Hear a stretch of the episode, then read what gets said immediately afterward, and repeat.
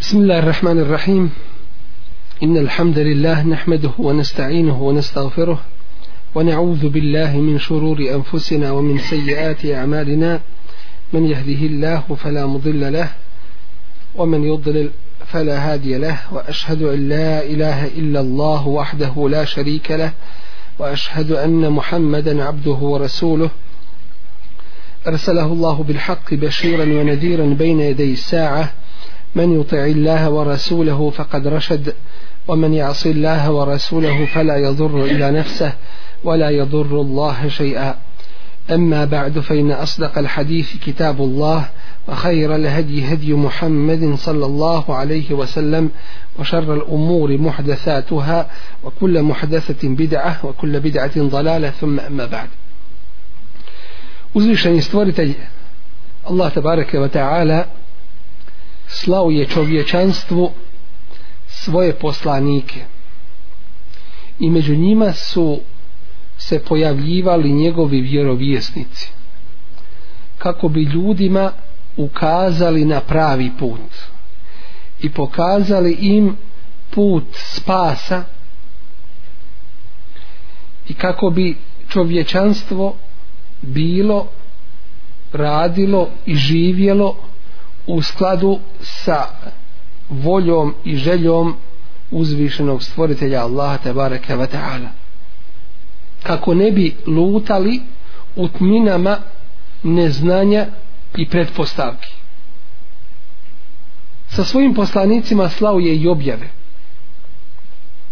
od tih objava bili su suhufi stranice tevrat inđil Zebur i na kraju posljednja objava Kur'an što je u stvari isto tako jedna velika milost uzvišenog Allaha te bareke ve taala prema čovječanstvu.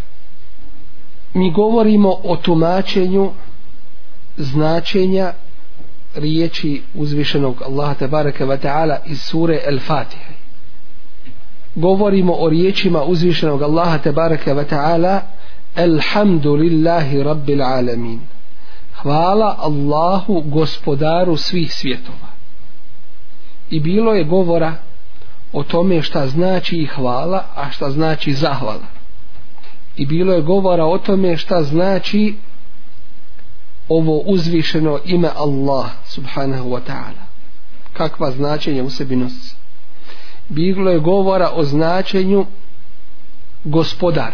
Šta znači gospodar? I bilo je govora o značenju riječi svjetova. Gospodar svjetova. U ovom je ajetu u suri El Fatih u stvari ovdje je ukazano na srž i suštinu vjeri S jedne strane elhamd, a to je hvala i zahvala.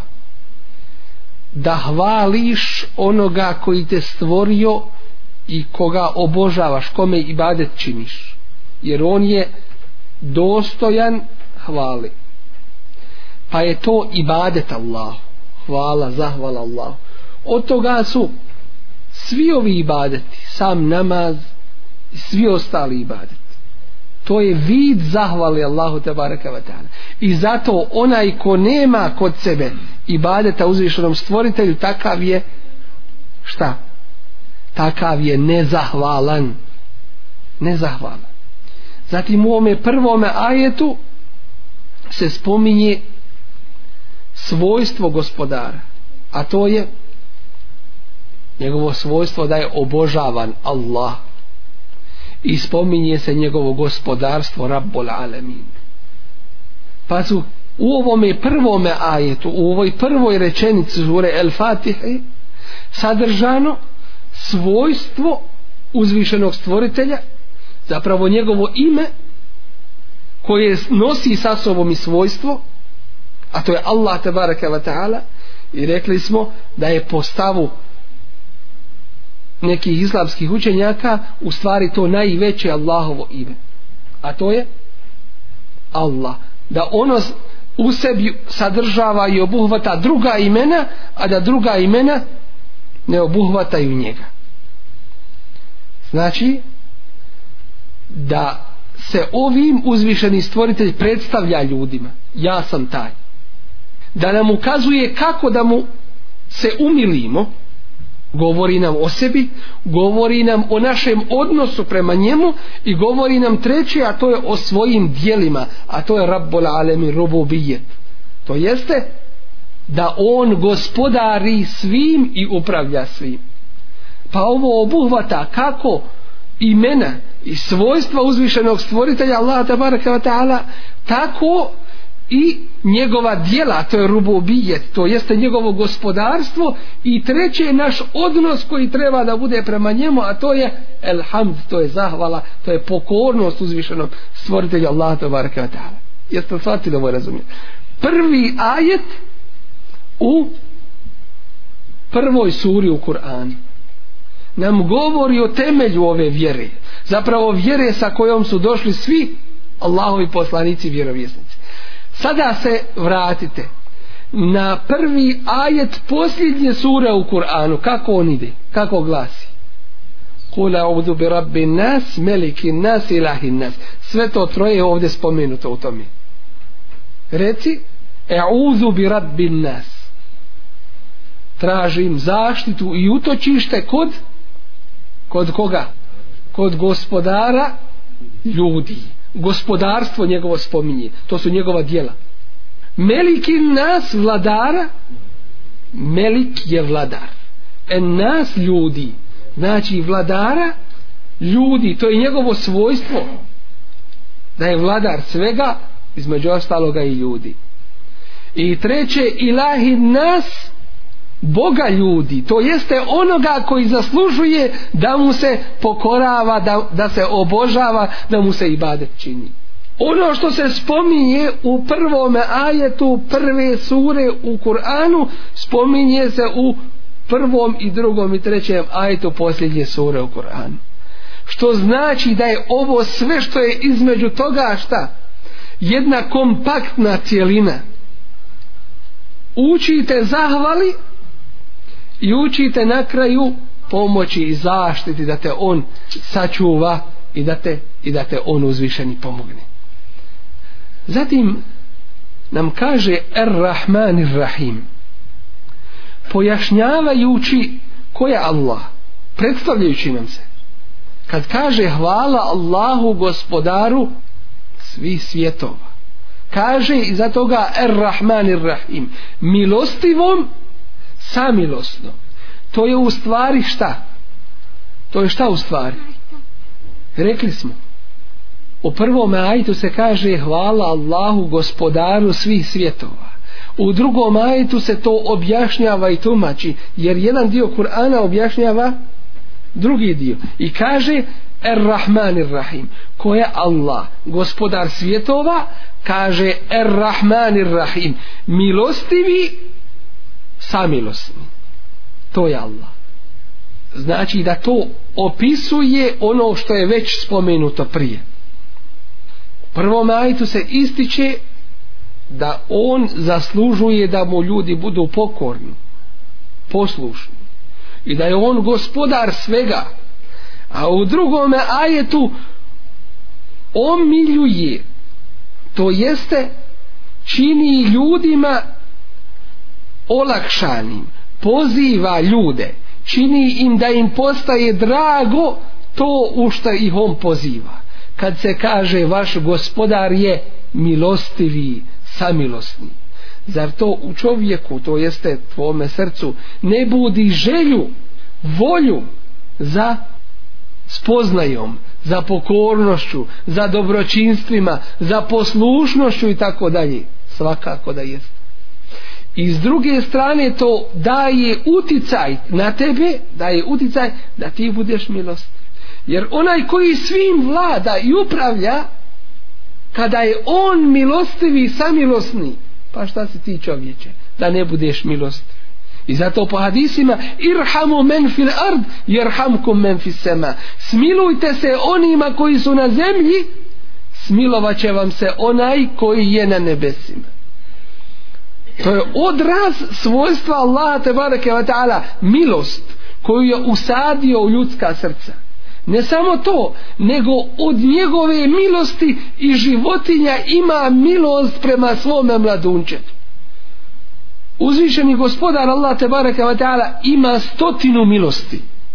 Kako se spominje hadis Allahovog poslanika ali sad Stotinu milosti ima samo je jednu spustio na zemlju i od te jedne i ona životinja je milostiva prema svome mladunđetu i svaka druga milost na ovome svijetu je od te samo jedne milosti a 99 je ostavio za sudnji dan jer je tamo zaista najpotrebnije tamo je zaista najpotrebnije govorili smo prije kod govora o značenju o bismili kakva je razlika između ova dva imena Ar-Rahman i Ar-Rahim Ar-Rahman znači svemilosni a Ar-Rahim znači samilosni kakva je razlika između toga dvoga jedno i drugo u sebi nosi svojstvo čega milosti ali postoji između jednog i drugoga razlog. Er Rahman to je onaj koji je milostiv svakome. Svakome. Daje svakome. I onome koji mu je pokoran i onome koji mu nije pokoran. I onome kojeg voli i onome kojeg ne voli. Svakome daje to je Ar-Rahman i rekli smo da je to ime uzvišenog Allaha te bareke ve taala kojim se niko nije nazvao osim jedan među ljudima a to je bio ko Museileme el Kedda pa kada se nazvao tim imenom Allahovim te bareke ve taala Rahman onda ga je Allah ponizio pa se Musejlema ne spominje osim po imenu i nadimku El Kezdab. Musejlema lažac. Kaznio ga još na ovom svijetu. Dakle, to je ime Allaha te baraka vatala i nikoga drugog. Sve milosni. Da li to čovjek može biti? Da li čovjek može biti sve milostan? Ne može. I da hoćeš, ne možeš nije u tvome stanju. Da budeš svakome milostiv, nisi u stanju. Doći im Errahim, samilosni, to je posebna vrsta. Svakome je milostiv, ali posebno je milostiv kome? Vjernicima. I to drugi kuranski ajit kaže وَكَانَ بِالْمُؤْمِنِينَ رَحِيمًا a vjernicima je samilostan. Da ne vidimo primjer. Sve milostan, svakome je milosti, zato što svakome daje, to jeste svakome ukazuje na pravi put. Wallahu jed'u ila daris salam. Allah poziva u kuću spasa. Koga poziva? Objekt nije rečen ovdje. Objekat nije spomenut. Koga poziva? Poziva svakoga ko je za toga ko razumi ko razuma ima sve ljude poziva doćim koga će uputiti koga će dati da ide pravim putem wa yahdi man yasha ila siratin mustaqim a upućuje koga hoće pravim putem dakle tu nije rečeno upućuje sve svima on pokazuje pravim evo ovo je pravi put tu je njegova objava ovo je pravi put prihvatite ga doćim ko će se odazvati oni probrani koliko je tih probranih koliko od hiljade jedan ne od hiljade ispravnih jedan nego od hiljade ljudi među kojima ima svega i svačega jedan će biti onaj koji je isprav jer većina srlja većina slijedi svoje strasti većina ne vidi dalje od ove materije, od svog nosa ispred sebe šta vidi većina gleda da se najede, napije da se provede i dalje ne misli Zato Kur'an kaže em tahsebu enne ekserahum jesme'una u jakivu zar misliš da većina njih slušaju, da prihvaćaju e, u jakivu ili razmišljaju o tome i zato ovo je vjera Hoćemo li to reći? Smijemo li kazati? Kazat ćemo. Vjera slobode. Ali u pravom značenju slobodi. Ne slobode da skine sad sebe odjeću i ide posao kako? Bez ih gdje čeka. To nije sloboda. To je životinsko izživljavanje. Šta je to? Slobode je da ti ne dozvoljava, da ti ne da da budeš podčinjen ljudskim hirovima i strastima razumijete to da, da te oslobađa svake druge ovisnosti osim od svoga stvoritelja Allaha te baraka od ala a od njega i ne možeš biti neovisan kako jer tvoj život u osnovi ovisi od njega a samim tim i sve ostalo Dakle, vjera koja ne dozvoljava tlačenje, vjera koja ne dozvoljava iskorištavanje, vjera koja ne dozvoljava lopovluk, makar se radilo o ne znam kome i kakvome, da kaže ja sam taj ili ja sam ovaj, ne. Ti ne možeš, nemaš pravo da kršiš propise ove vjere. Od toga ćete vidjeti, ovo je ovo je shvatanje mekase dušarija. A šta je to?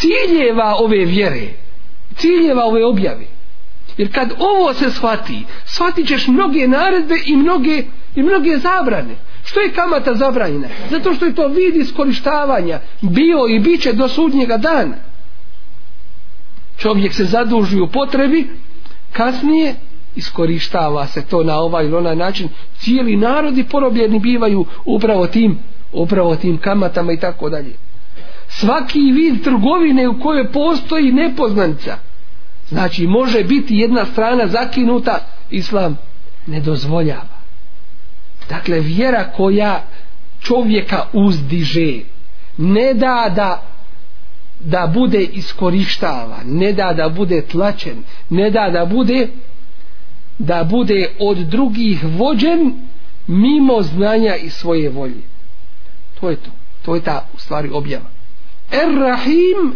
koji je samilostan vjernicima.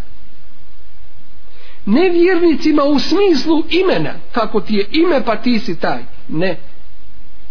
Nego samilostan onima koji su poslušni. Koga Allah upućuje? On je dao definiciju toga. I kaže, jehdi bihillahu. Allah njime upućuje, čime? Ovom objavom. Kur'anu. Meni tebe aridvanehu, onoga koji slijedi njegovo zadovoljstvo. To jeste komu je poslušan i pokoran. Takvoga Allah upućuje pravim putem. Omiliti pravi put. Što nisi negdje u kafani, što nisi negdje u kockarnici, ko vas je natjerao i pozvao vamo. Allahova uputa je to bila da te pozove i da se ti tome odazoveš jer je to blagodat jer je to Allahov izbor wa ma kana li nafsin an tu'min illa bi iznillah jedna osoba ne može se desiti da povjeruje osim Allahovim izunom njegovom odredbom dozvolom njegovom dakle to ti je blagodat početak upute da ti omili pokornost njemu uzvišenom a onda nemoj da se zaneseš da kažeš ja sad ne trebam ništa raditi ja sam sad postigao šta treba sad tek jako treba da da radiš i da i da se trudiš wa kana bil mu'minina rahima a vjernicima je posebno milosti na ovom svijetu što ih upućuje pravim putem a na sudnjem danu što će ih nagraditi svojom vječnom najboljom nagradom a to je džennet vječno uživanje koje mi na ovome svijetu ne možemo nikako ni zamisliti.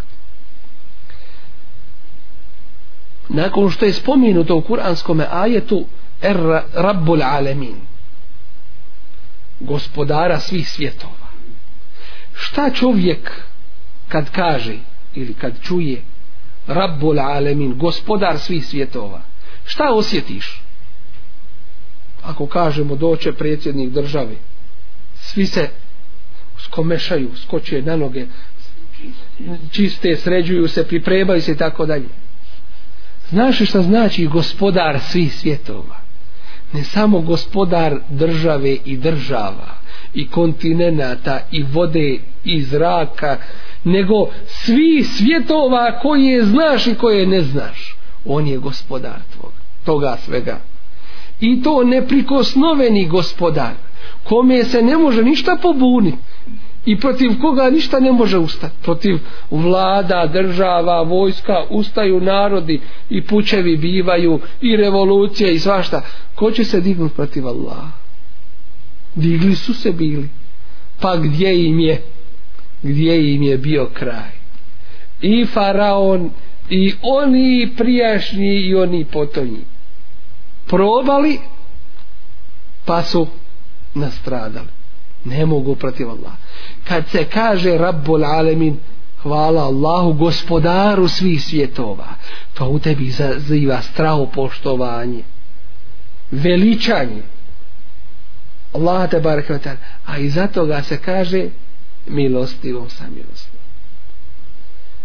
Dakle, ovaj Kur'an je jedan, jedan sistem odgoja iz njega možemo uzeti. To se zove etergibu ib. Zastrašite Allahovom veličinom, njegovom moću i snagom, a onda ti kaže milostivi samilostni. Dakle, to je ljudska priroda koja traži i ozbiljnost s jedne strane da im se zaprijeti ako budu nepokorni, a s druge strane da im se obeća. S druge strane da im se omili to u šta se pozivaju. I to je u stvari u praktičnom našem radu i djelovanju šta? U fiku recimo. To je halal i haram.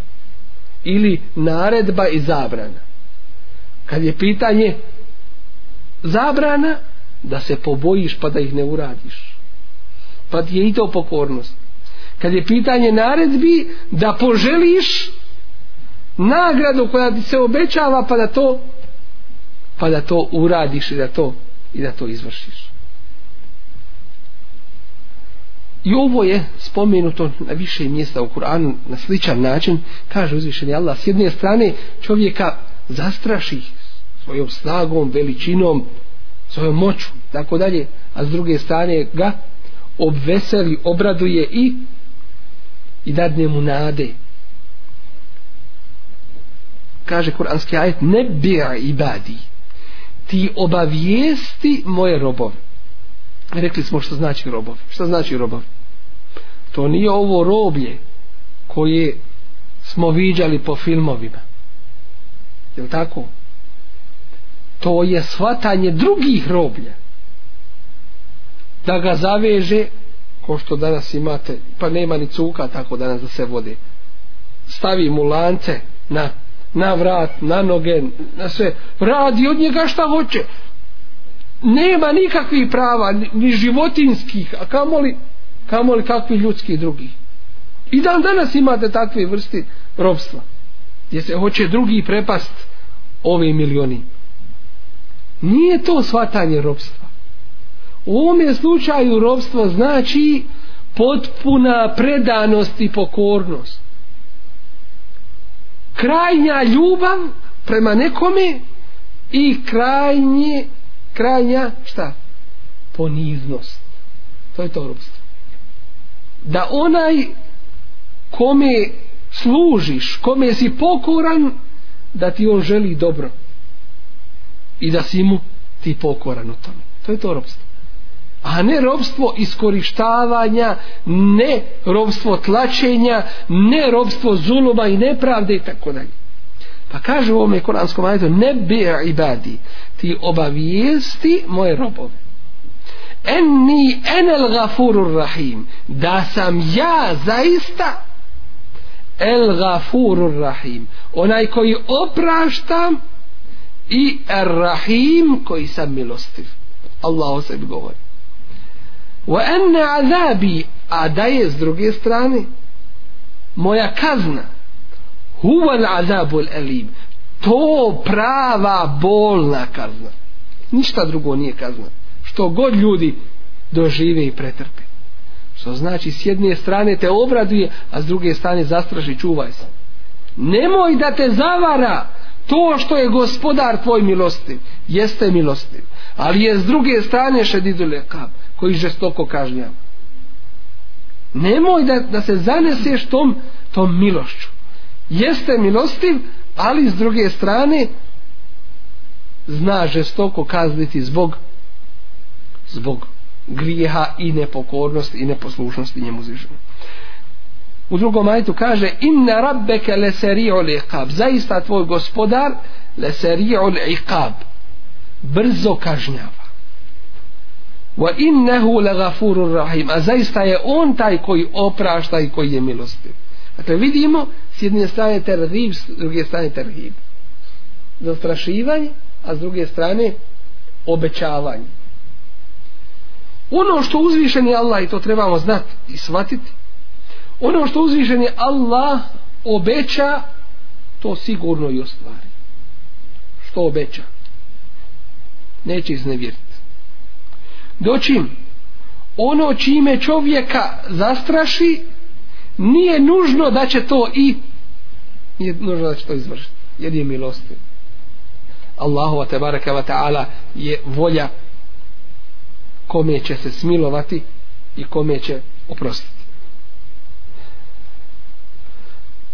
u sahih muslimu se prenosi od Allahovog poslanika sallallahu alaihi sallam da je rekao lev ja'lemu l'mu'minu ma inda Allahi min al'ukubeti ma tama'a fi džennetihi ahadun kada bi znao vjernik, mu'min za ono što je kod Allaha od kazni niko ne bi se ponadao džennet ولو يعلم الكافر ما عند الله من الرحمة ما قنط من رحمته أحد على نفيرنك زنا koliko je kod Allaha milosti ne bi izgubio niko nadu u njegovu milost jel razumijete ovo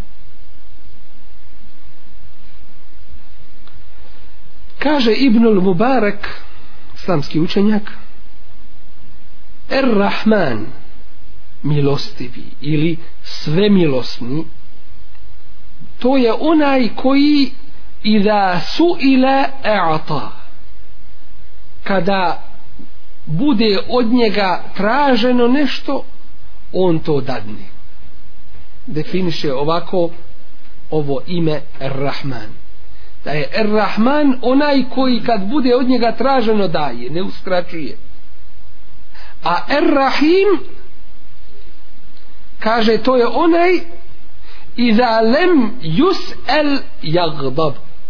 To je onaj koji ako ne bude ako ne bude pitan ili ako od njega ne bude traženo srdi se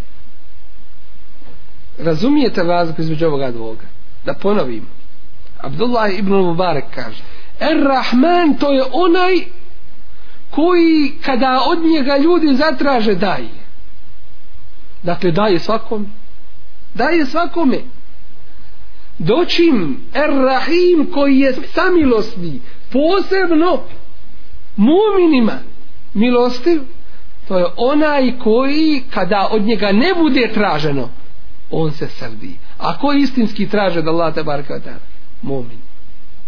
To je definiso i napravio razliku između ova dva imena Ar-Rahman i, i Ar-Rahim.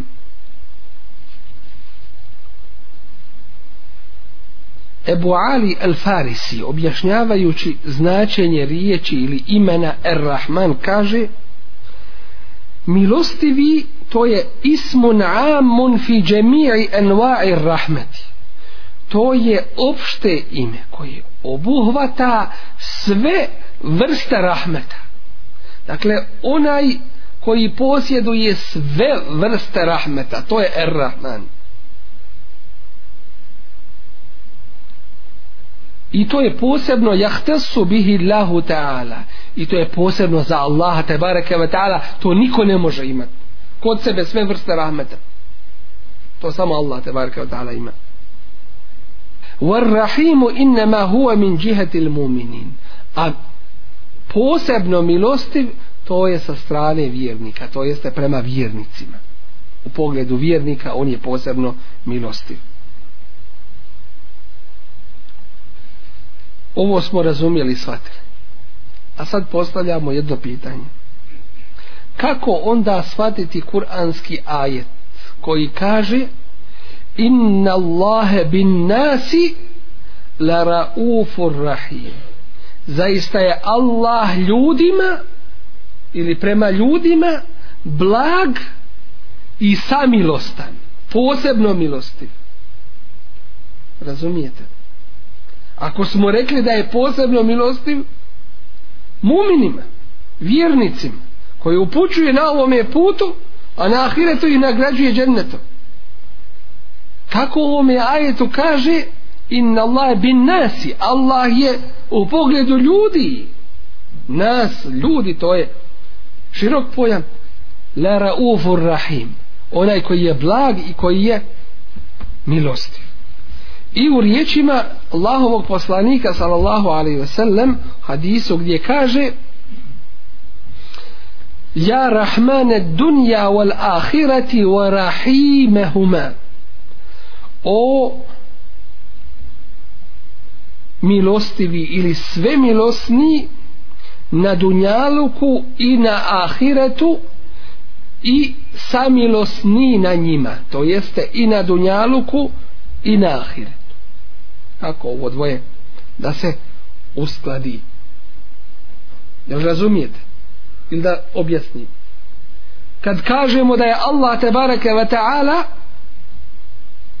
posebno milosti vjernicima kako se u ajetu kaže zaista je Allah ljudima blag i samilostan ljudima a u hadisu se kaže o milostivi ili sve milostni na dunjalu koji je na ahiretu kako sve milostni na ahiretu razumijemo na dunjaluku daje i koga može i koga ne može i koga voli i koga ne voli ali kako je sve milostni na ahiretu kad je tamo odvajanje mumina od kafira kad je tamo nagrada i kazna jer razumijete u čemu je pitanje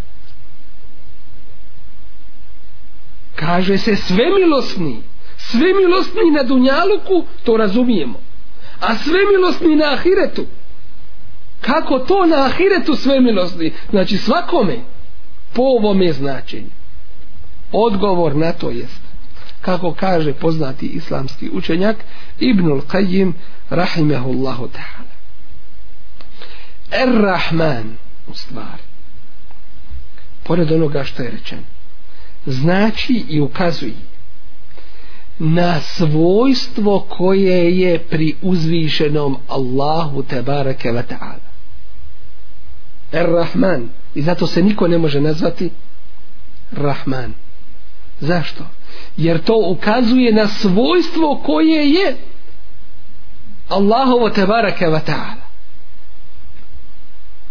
tako da je Allah tebareke ve taala sve milostan to je njegovo svojstvo iz toga se shvata on je prema ljudima er rahman sve milostan i na dunjaluku i i na ahiret to je njegovo svojstvo bez obzira što će biti na ahiretu ljudi koje će on on kazniti dakle to je svojstvo Allaha tabarke a er rahim to je u vezi sa onim kojem će dati svoju kojem će dati svoju milost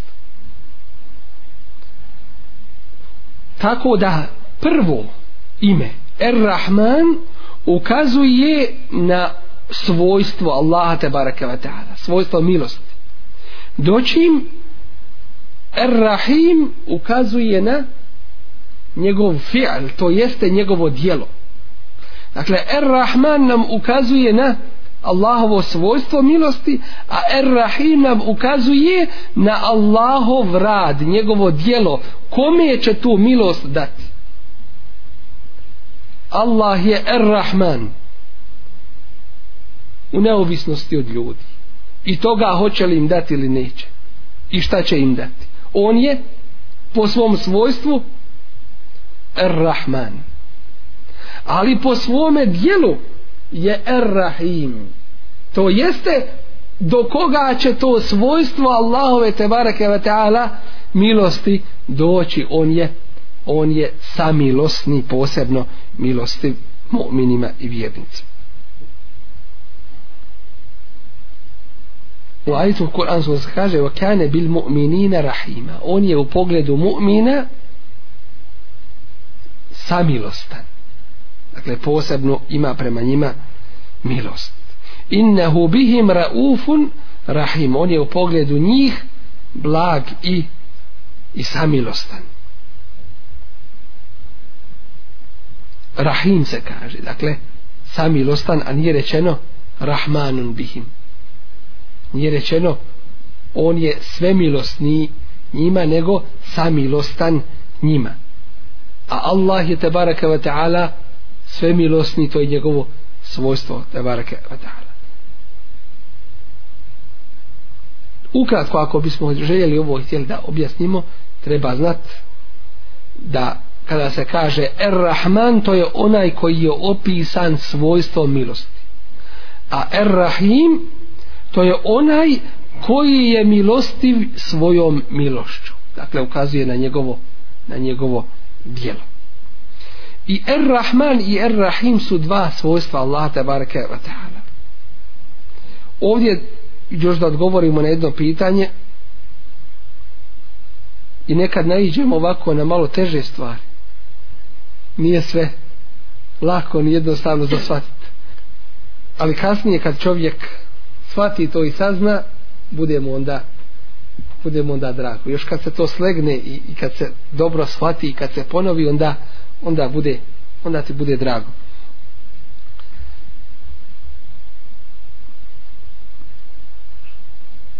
kako kad kažemo da je Er-Rahman Allahovo svojstvo kako onda se Er-Rahman svemilosni pojavljuje bez onoga što biva opisano kao kaže se Er-Rahmanu alal arši steva milostivi nad prijestoljem se uzvisio.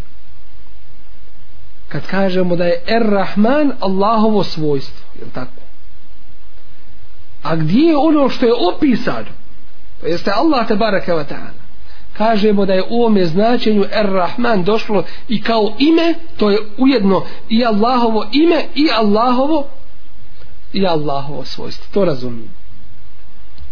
Dakle, Allahovo ime koje u sebi nosi njegovo te baraka wa ta'ala svojstvo.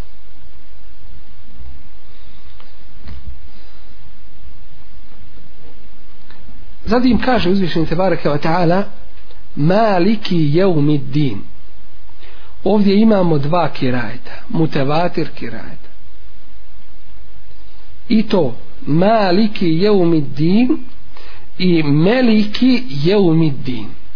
Ako nekada u namazu čujete imama da uči Ar-Rahmanir Rahim Meliki Jeumiddin nemojte da vam bude čudno jer se tako može učiti u namaz to je mutevatir kirajet kojim je učio Allahov poslanik sallallahu alaihi wasallam učio je nekada Maliki Jeumiddin a nekada je učio Meliki Jeumiddin i to ne od sebe već po vahju uzvišenog Allaha te bareke ve taala Kur'an je objavljen na jeziku arapskom čistom i to na narječju najpoznatijeg i naj plemenitijeg plemena među Arapima, a to je pleme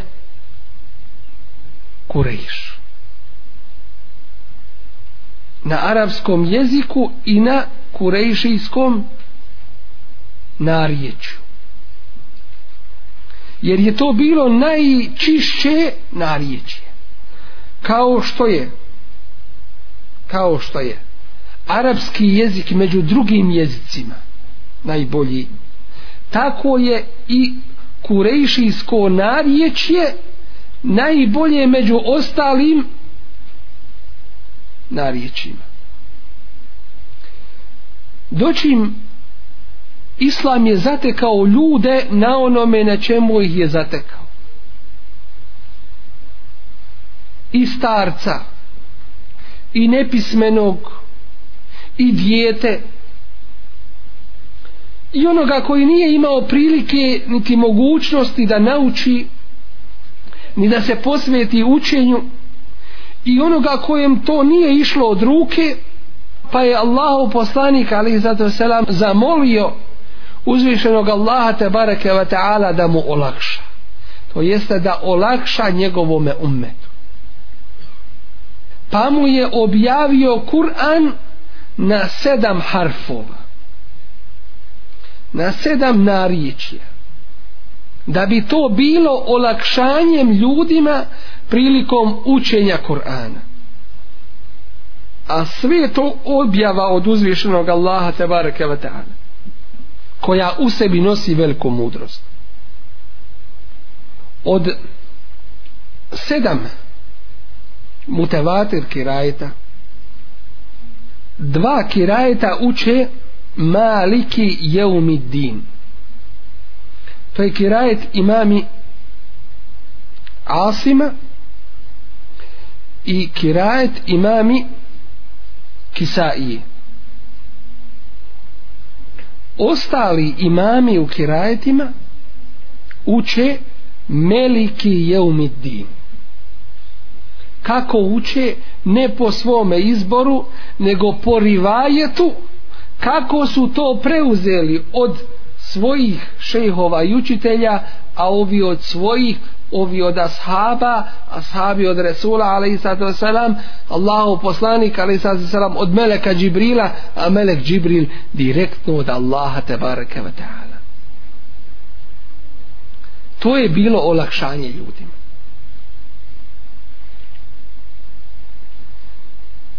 Što se tiče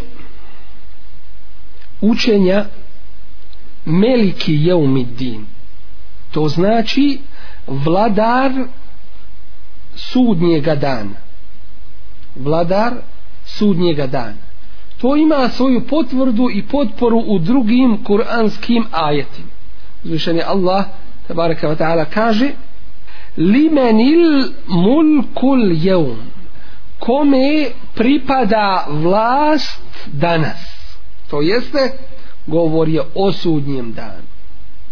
Pa se ovome ajtu kaže kome je pripada vlast danas? To jeste nikome osim Allahu te barake vatana. I učenjaci jezika kažu da je ovo jače ili ova vrsta upitne negacije je jača nego čista negacija. Ako kažeš nikome ne pripada vlast osim samo Allahu, ti si time negirao vlast neći znači, u drugo i potvrdio Allahu te baraka wa ta'ala znači im kad kažeš limen il mulku li jaum kome pripada vlast danas odgovor je isto tako nikome drugome do uzvišenom Allahu te baraka wa ta'ala ali u mozgu ostaje neodgovoreno na to pitanje drugim riječima imate li ako znate to je izazov ljudskom razumu to jeste ljudskoj psihi da odgovori na to ako znate nekoga kome je pripada vlast na ovome danu onda recite kad god se ljudski um i razum vrati na to pitanje odgovor biva nema toga kome vlast pripada toga dana mimo Allaha te barekeva ta'ala jel razumijete Dakle, ima ovo upitna ova negacija jače djelovanje nego sama, nego sama negacija. Se kaže, nikome drugome vlast ne pripada. Jer je ovdje vrsta izazova. Kome je pripada vlast? Reci ako znaš kome je pripada. Ne, nema nikoga kome drugog pripada osim Allah da varka U drugom ajetu kaže kauluhu l-haq. Njegova riječ, njegov govor je istina. وَلَهُ الْمُلْكُ a njemu pripada vlast jeume yunfahu fissur na dan kada se puhne u urog to je sudnjega dan tada njemu pripada vlast uzvišenom tebareke ve ta'ala što se tiče drugoga mutevatir kirajta u kome se kaže maliki jeumi din on znači posjednik sudnjega dana prvo znači vladar sudnjega dana a maliki je umidin znači posjednik sudnjega dana šta znači posjednik onaj u čijoj je vlasti ili posjedu onaj kome pripada ukazuje na pripadnost I zato imamo dokaze i potvrde u drugim kuranskim ajetima.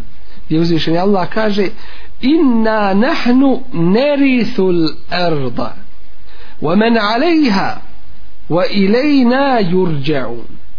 Zaista mi smo ti koji nasljeđujemo zemlju. Šta znači naslijediti zemlju? Kad ti nešto naslijediš od svojih predaka, šta znači to?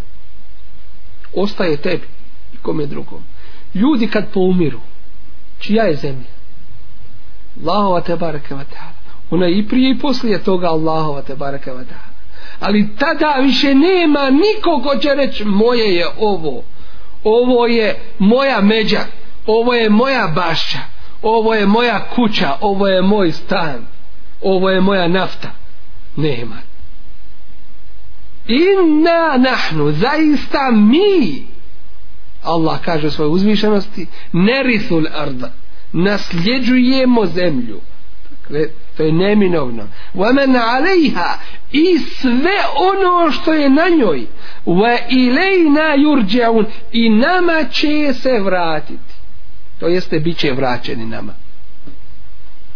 šta znači ilejna jurđaun ko će nam reći što znači ili na jurđeon nama će biti vraćeni to jeste nikome drugome jer da je rečeno bit će vraćeni nama to je uobičajen redosljed ali kad se kaže nama će biti vraćeni znači nikome drugom nemoj za drugog rad nego za Allah nemoj ime drugog raditi nego za Allah ni u ime sebe nemoj rad nego u ime u ime Allaha te baraka wa ta'ala. Dakle, Allahu ćete biti vraćeni. Ovaj namajt ukazuje na na činjenicu da Allah taj je koji posjeduje sve dakle sve njemu uzvišenom te baraka wa ta'ala pripada.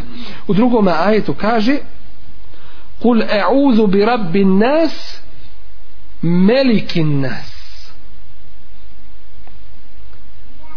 Reci tražim zaštitu kod gospodara ljudi vladara vladara ljudi u drugome ajetu kaže el mulku jeume idin il haqqu lirrahman a vlast toga dana istinska pripada milostivome wa kana jeumen alel kafirine asira a taj dan težak je nevjernicima asir je suprotno od jesir i kažemo rabbi jesir Allahu olakšaj a asir znači težak taj dan će biti težak nevjernicima To se u Kur'anu kaže inna ma'al usri yusra. Uz teškoću dolazi lakoća, olakšica Allahova tabaraka wa ta'ala pomoć. Ovdje jedno pitanje, a to je, zašto se kaže Allahu pripada vlast toga dana? Kad znamo da Allahu pripada vlast i toga dana i prije njega i poslije njega i uvijek i od uvijek i za uvijek i svakdje bez izuzetka. Zašto se ovdje posebno ističe vlast na sudnjemu danu? Odgovor je iako na ovome svijetu iako na ovome svijetu ima onih koji sebi pripisuju vlast na tom svijetu na budućem neće biti ko niko neće biti toga koji će reći meni pripada vlast ili bilo šta da mu pripada u stvari kad ovo znamo i shvatimo to nam ukazuje na činjenicu da je vlast na ovome svijetu šta samo prividna samo prividna i ništa drugo koja je tvoja vlast da ne znam šta imaš ili recimo pod navodnicima da nečim vladaš ako ti dođe melek smrti može tvoja obavještajna služba da, da te obavijesti o tome može li tvoj sigurnosni alarmni sistem da da alarmira to može li ona sada da to nadzire može li vojska da to spriječi nema sve to pada u vodu. Pa kakva je to vlast? Ti nemaš vlasti nad sobom, a hoćeš da imaš vlast nad drugim? Nemaš čovječe. Nemaš vlast.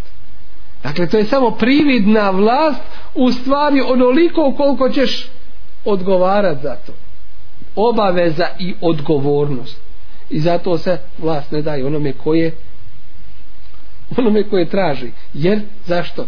jer takav traži obavezu i teret onaj koji je svjestan toga neće tražiti dakle to je ta, to je ta činjenica može neko postaviti pitanje šta je sa Jusufom ali selam kad je rekao iđa'alni ala hazain il ard učini me da budem nadzornikom riznica u zemlji odgovor na to je šta što je on tada bio zaista najpodobniji i u času kad vidiš da će pitanja od opšteg interesa muslimana ako se prepuste bilo kome ili nestručnima da će to dovesti do štete onda ne smiješ se povući onda ne smiješ reći ja neću nek drugi dakle valja u tome ustrajati i moramo se tome inšala naučiti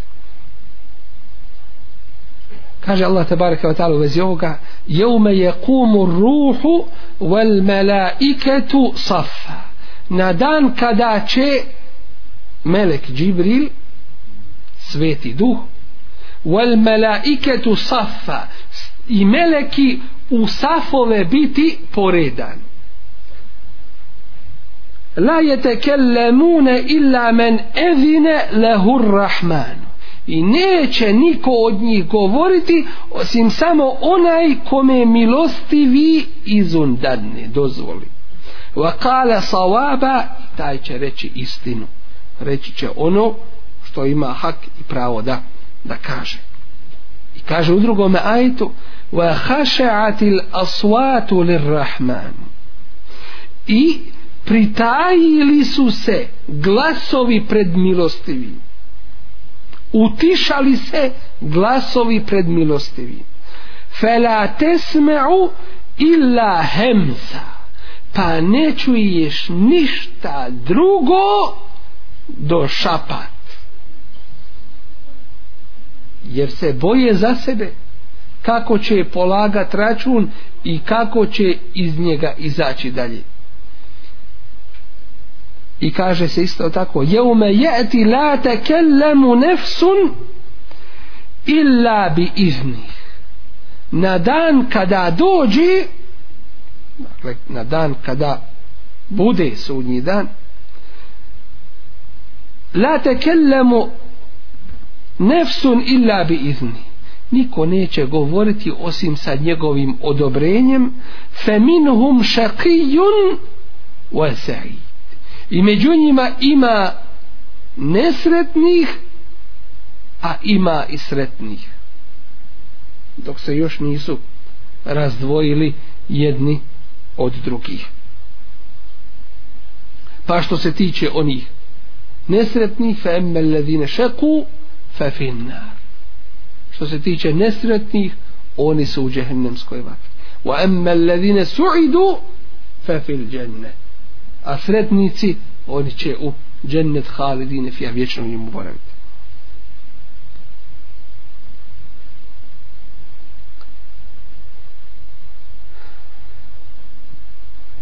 Prenosi se od Abdullaha ibn Abbas radijallahu anhuma da je komentarisao ovaj ajet i rekao la yamliku ahadun ma'ahu fi zalika al-yawmi hukman niko toga dana nema hukm odredbu i sud mimo Allaha te bareke samo se Allahov sud sprovodi dakle Allah je taj jedini koji će suditi koji će suditi ljudima i niko i niko drugi kažemo maliki jeumidin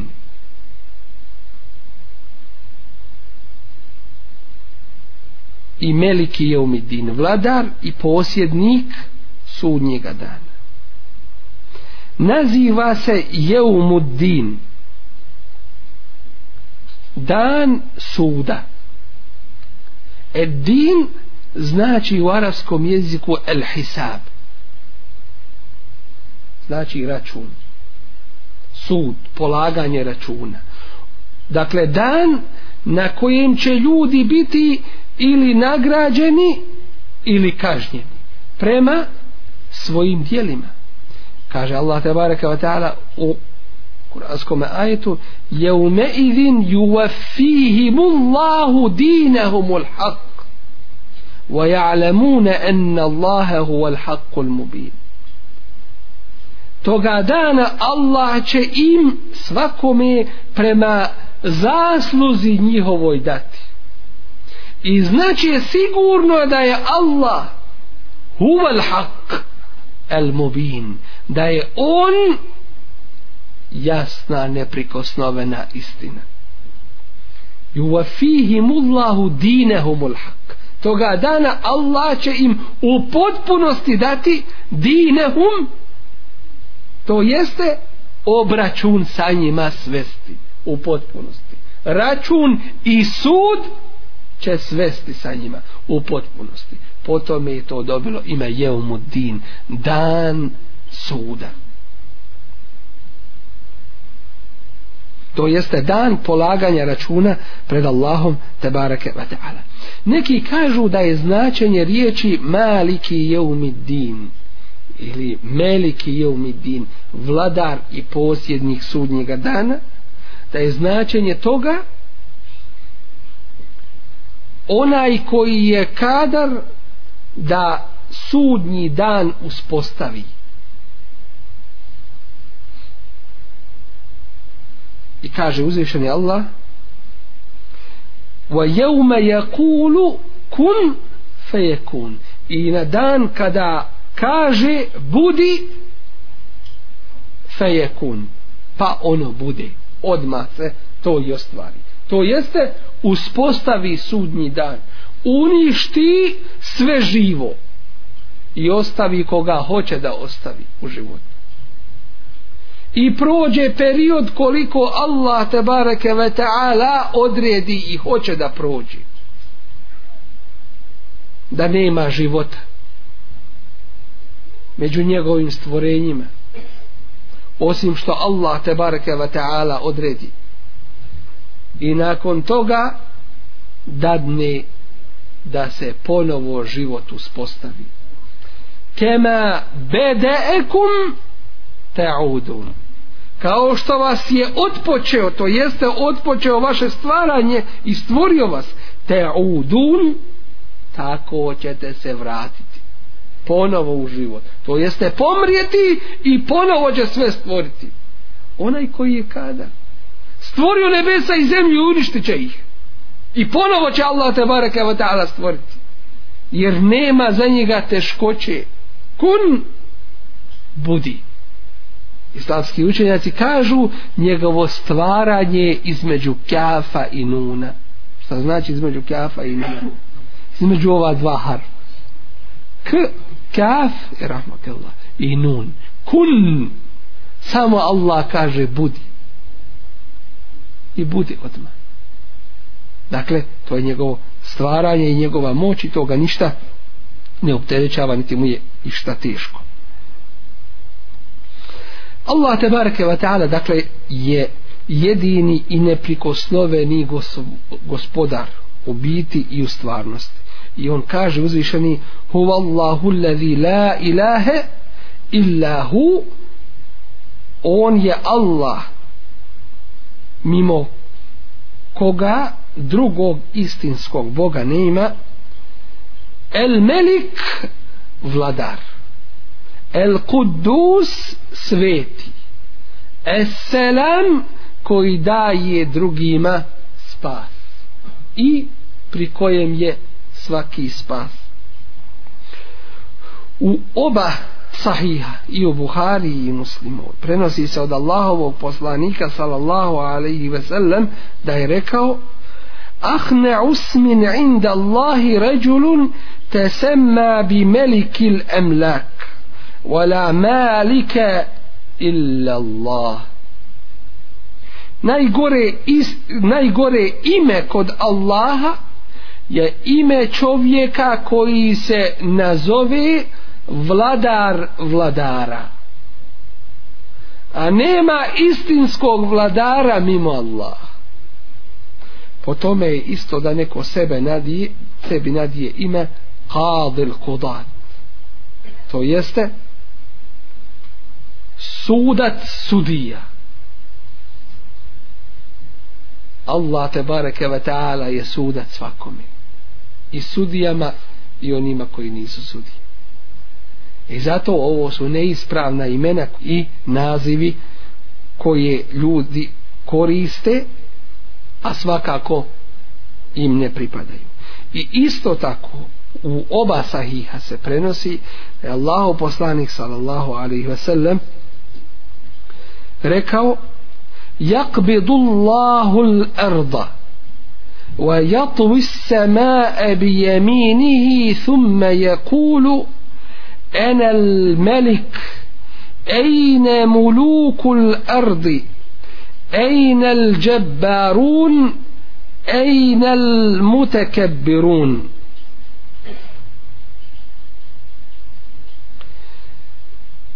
الله تبارك وتعالى ta'ala će prihvatiti zemlju i smota će uzet će zemlju i smota će nebo svojom desnicu zatim će reći Allah te bareke ve taala od njegovih svojstava je da ima ruke ali nemoj ni pošto da pomisliš da su Allahove te bareke ve taala ruke kao ruke njegovih stvorenja njemu najljepši primjer pripada i Allah te bareke ve taala je savršen i uzvišen i ništa mu nije ravno niti mu je išta uzvišenom subhanahu wa ta'ala slično ali ovo je istina i smota će nebo u svoju desnicu zatim će reći enel melik ja sam vladar ejne mulukul ard gdje su zemaljski vladari Ejnel džebarun gdje su silnici Ejnel mutakebirun gdje su oholnici i zato ko bude imao koliko trun oholosti kod sebe da ima da može u mišju rupu da se sakrije, sakrije bi se i zato će biti oholnici na sudnjem danu proživljeni manji od makovog zrna oholnici jer gordost pripada Allahu te barake i nikome drugom ponos i uznositost Zato Allah te baraka ta'ala će reći limen il mulku ljevum kome vlast pripada danas i neće biti toga koji će odgovoriti. Odgovora nema. Pa će Allah uzvišeni odgovoriti lillahi l'wahid il kahar Allahu jednome silnome. Dakle, rekli smo, ako se neko nazove imenom vladar da je to samo u jednom prenesenom značenju nikako to nije ona vlast ni približno ni slično onome šta Allah te bareke ve taala ima u Kur'anu se spominju vladari imenom vladara pa se na primjer kaže inna Allah kad ba'atha lekum talute melika Allah vam je poslao taluta za vašeg vladara. Ali to je ovaj dunjalučki vladar u svojoj ograničenosti u, u granicama ljudskosti. I, I spominje se isto tako ukazivanje o Musau i Hidru Vakjane varaehum melik, kaže Hidr, a iza njih, nakon što je probušio onu lađu, objašnjava to i kaže iza iza ovoga naroda je melik, jedan vladar koji uzima sve zdrave lađe. Dakle, zato i probušio to da, da mu je ne uzmu, da bude manjkava i falična kako bi je taj vladar ostavio i ne bi je sebi uzeo. Kaže Allah, izđa'ale fikum embija'e, وَجَعَلَكُمْ مُلُوكَ Kada vas je učinio ili kada je dao među vama da budu vjerovjesnici i muluk i vladar.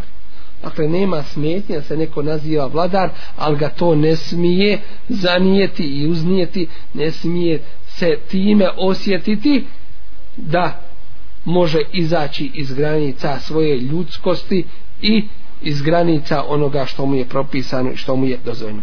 Dakle, edin, maliki jeumi din, edin ovdje znači el hisab to jeste polaganje računa vladar i posjednik dana kada se polaže kada se polaže račun šta biste vi da vas sad upitam da li učinili da imate mogućnost nešto tamo na sudnjem danu da sebi osigurate na danu velikoga suda da imate garanciju bezbjednosti, sigurnosti, dženneta, zaštite od džennemske vatre. Šta biste uradili? Recite. Šta biste uradili? Ništa drugo osim ono što vam je propisano i naređeno. E to kad uradite, inša Allah, to je to. Nema tu potplaćivanja nema tu rupa u zakonu, nema tu zaobilaženja, nema tu korupcije niti malverzacija, to samo ima budi pokoran, poslušan Allahov, te bareke va ta'ala rob, ne traži se od tebe da letiš po zraku, niti da roniš u, u dubine vode i, i kopaš zemlju, ništa nemoguće.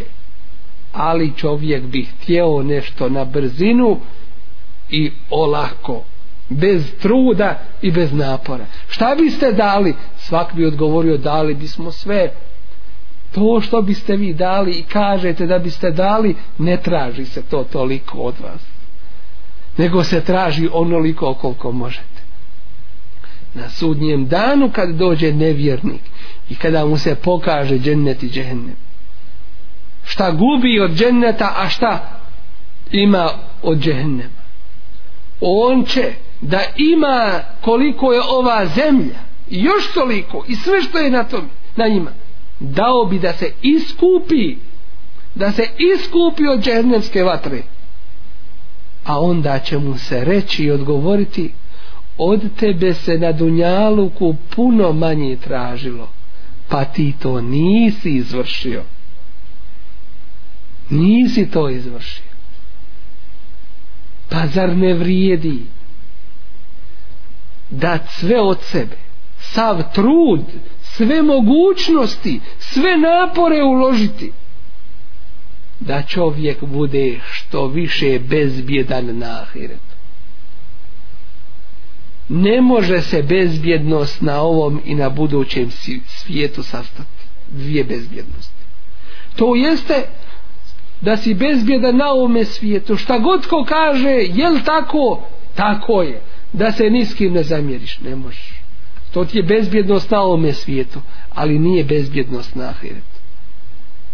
Ne možeš biti bezbjedan. Allahovi poslanici nisu bili bezbjedni. U pogledu sebe samih.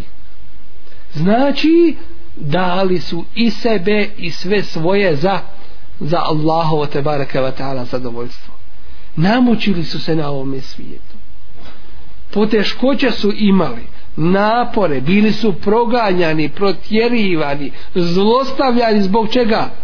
zbog istine je li se promijenio hal do dan danas?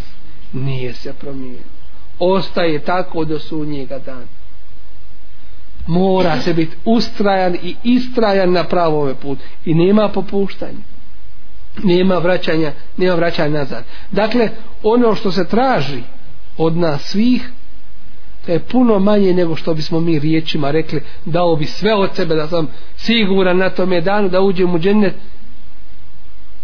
to što kažeš izvrši ono što se od tebe traži i inša Allah sa lavom pomoći imat ćeš tu nagradu dakle u Kur'anu se spominje to da Eddin znači hisab, znači obračun, znači suđenje, znači polaganje računa pred Allahom te barake ve ta'ala. I pazite, ovdje je direktno polaganje računa pred Allahom uzviš. Svako će direktno sa Allahom te barake ve ta'ala razgovarati. Neće između Allaha i njega biti posrednika, niti prevodioca što znači šta ti se presudi i šta ti se dosudi da si siguran da u to nema ili u tome da nema greške i neispravnost jer pitanje je vječnost pa onaj koji bude kažnjen pored one kazne pored one kazne koju će imati znate šta mu je još teško znate li to što sam on sebe kori što je takav. Na dunjaluku ljudi nalaze sebi razne izlaze. Da ne znam šta uradiš ili nešto se desi, ti ćeš reći, pa vrijeme takvo bilo. Ili ima i ovakvi, uvijek možeš ili istražuješ neki drugi uzrok, uvijek neko drugi kriv, nisi ti kriv. Ali na ahiretu bit ćeš siguran i ubjeđen u krivicu taj koji bude kriv le maktullahi ekberu mi maktikum enfusekum to što vas Allah prezire to je veće nego što ćete vi sami sebe prezirati to jeste džehennemlije u džehennem kad uđu možete li misliti šta on o sebi misli zapravo da navedemo jedan primjer i rakšam nam je blizu sada čovjek učinio zločin pobio pokrov radio šta je radio zaslužio smrtnu kaznu ljudi se iskupili da vide izvršenje te smrtne kazne dovode ga u lancima zavezano stavljaju ga tu gdje će se izvršiti smrtna kazna zna da mu nema spasa tu šta taj čovjek u tobe trenutku pomisli, šta mislite? Koliko on sam sebe preziri, koje mu misli u glavu i u pamet naviru, koji je to baksuzi prokletnik, da je sebe svojim rukama i radom doveo u takvu situaciju, da će za koji trenutak biti likvidiran. Koliko on sam sebe pojede od te muke, i od toga jada koji ga je obuzeo. A šta mislite džehennemlija kad mu bude presuđeno da ide u džehennemsku vatru? A on neće otima se i opiri.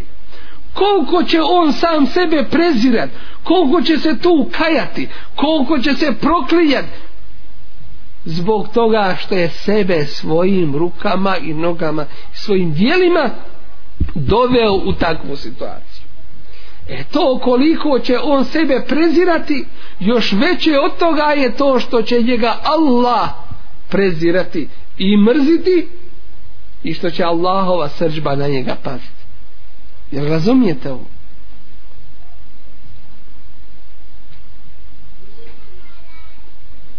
U hadisu Allahovog poslanika sallallahu alaihi wa sallam se kaže el kejisu men dane nefsehu wa amila lima ba'del meut mudar je onaj koji ovdje dane dakle znači riječ din onaj koji sebe preispituje i radi za ono što je poslije smrti taj je pametan, taj je mudar mudar je onaj koji sebe preispituje i radi za ono što je poslije smrti Omer radi Allah ono i s ovim ćemo završiti kaže hasibu enfusekum kable en tuhasebu sebe kontrolišite i ispitujte prije nego što budete ispitivani vazinu enfusekum kable entuzenu i mjerite se prije nego što budete mjereni wa te ehebu lil ardil ekberi ala mella tahfa alihi amalukum i pripremite se za polaganje ra, veliko polaganje i izlaganje računa pred onim za koga nema nepoznatog niti sakrivenog kaže Allah tabaraka wa ta'ala jevme idin tu'radune la tahfa minkum hafije toga dana bit ćete izlagani to jeste i vi i vaša dijela la tahfa minkum hafije i od vas ništa skriveno neće ostati dakle sve će se pokazati toga dana i to je dan dan velikog računa i obračuna i zato učimo maliki i meliki je umidin vladar i posjednik toga dana to jeste na seđdu mu padamo pokoravamo mu se kako bismo se pripremili za taj dan i povratak Allahu tebareke ve taala molim Allah tebareke ve taala da nam dadne da ovim značenjima razmišljamo i da ih shvatimo i u svome svakodnevnom životu primijenimo i da nas učini od onih sa kojima je on uzvišen i zadovoljan. Subhanakallahumma bihamdika ashhadu an la ilaha illa anta astaghfiruka wa atubu ilaik.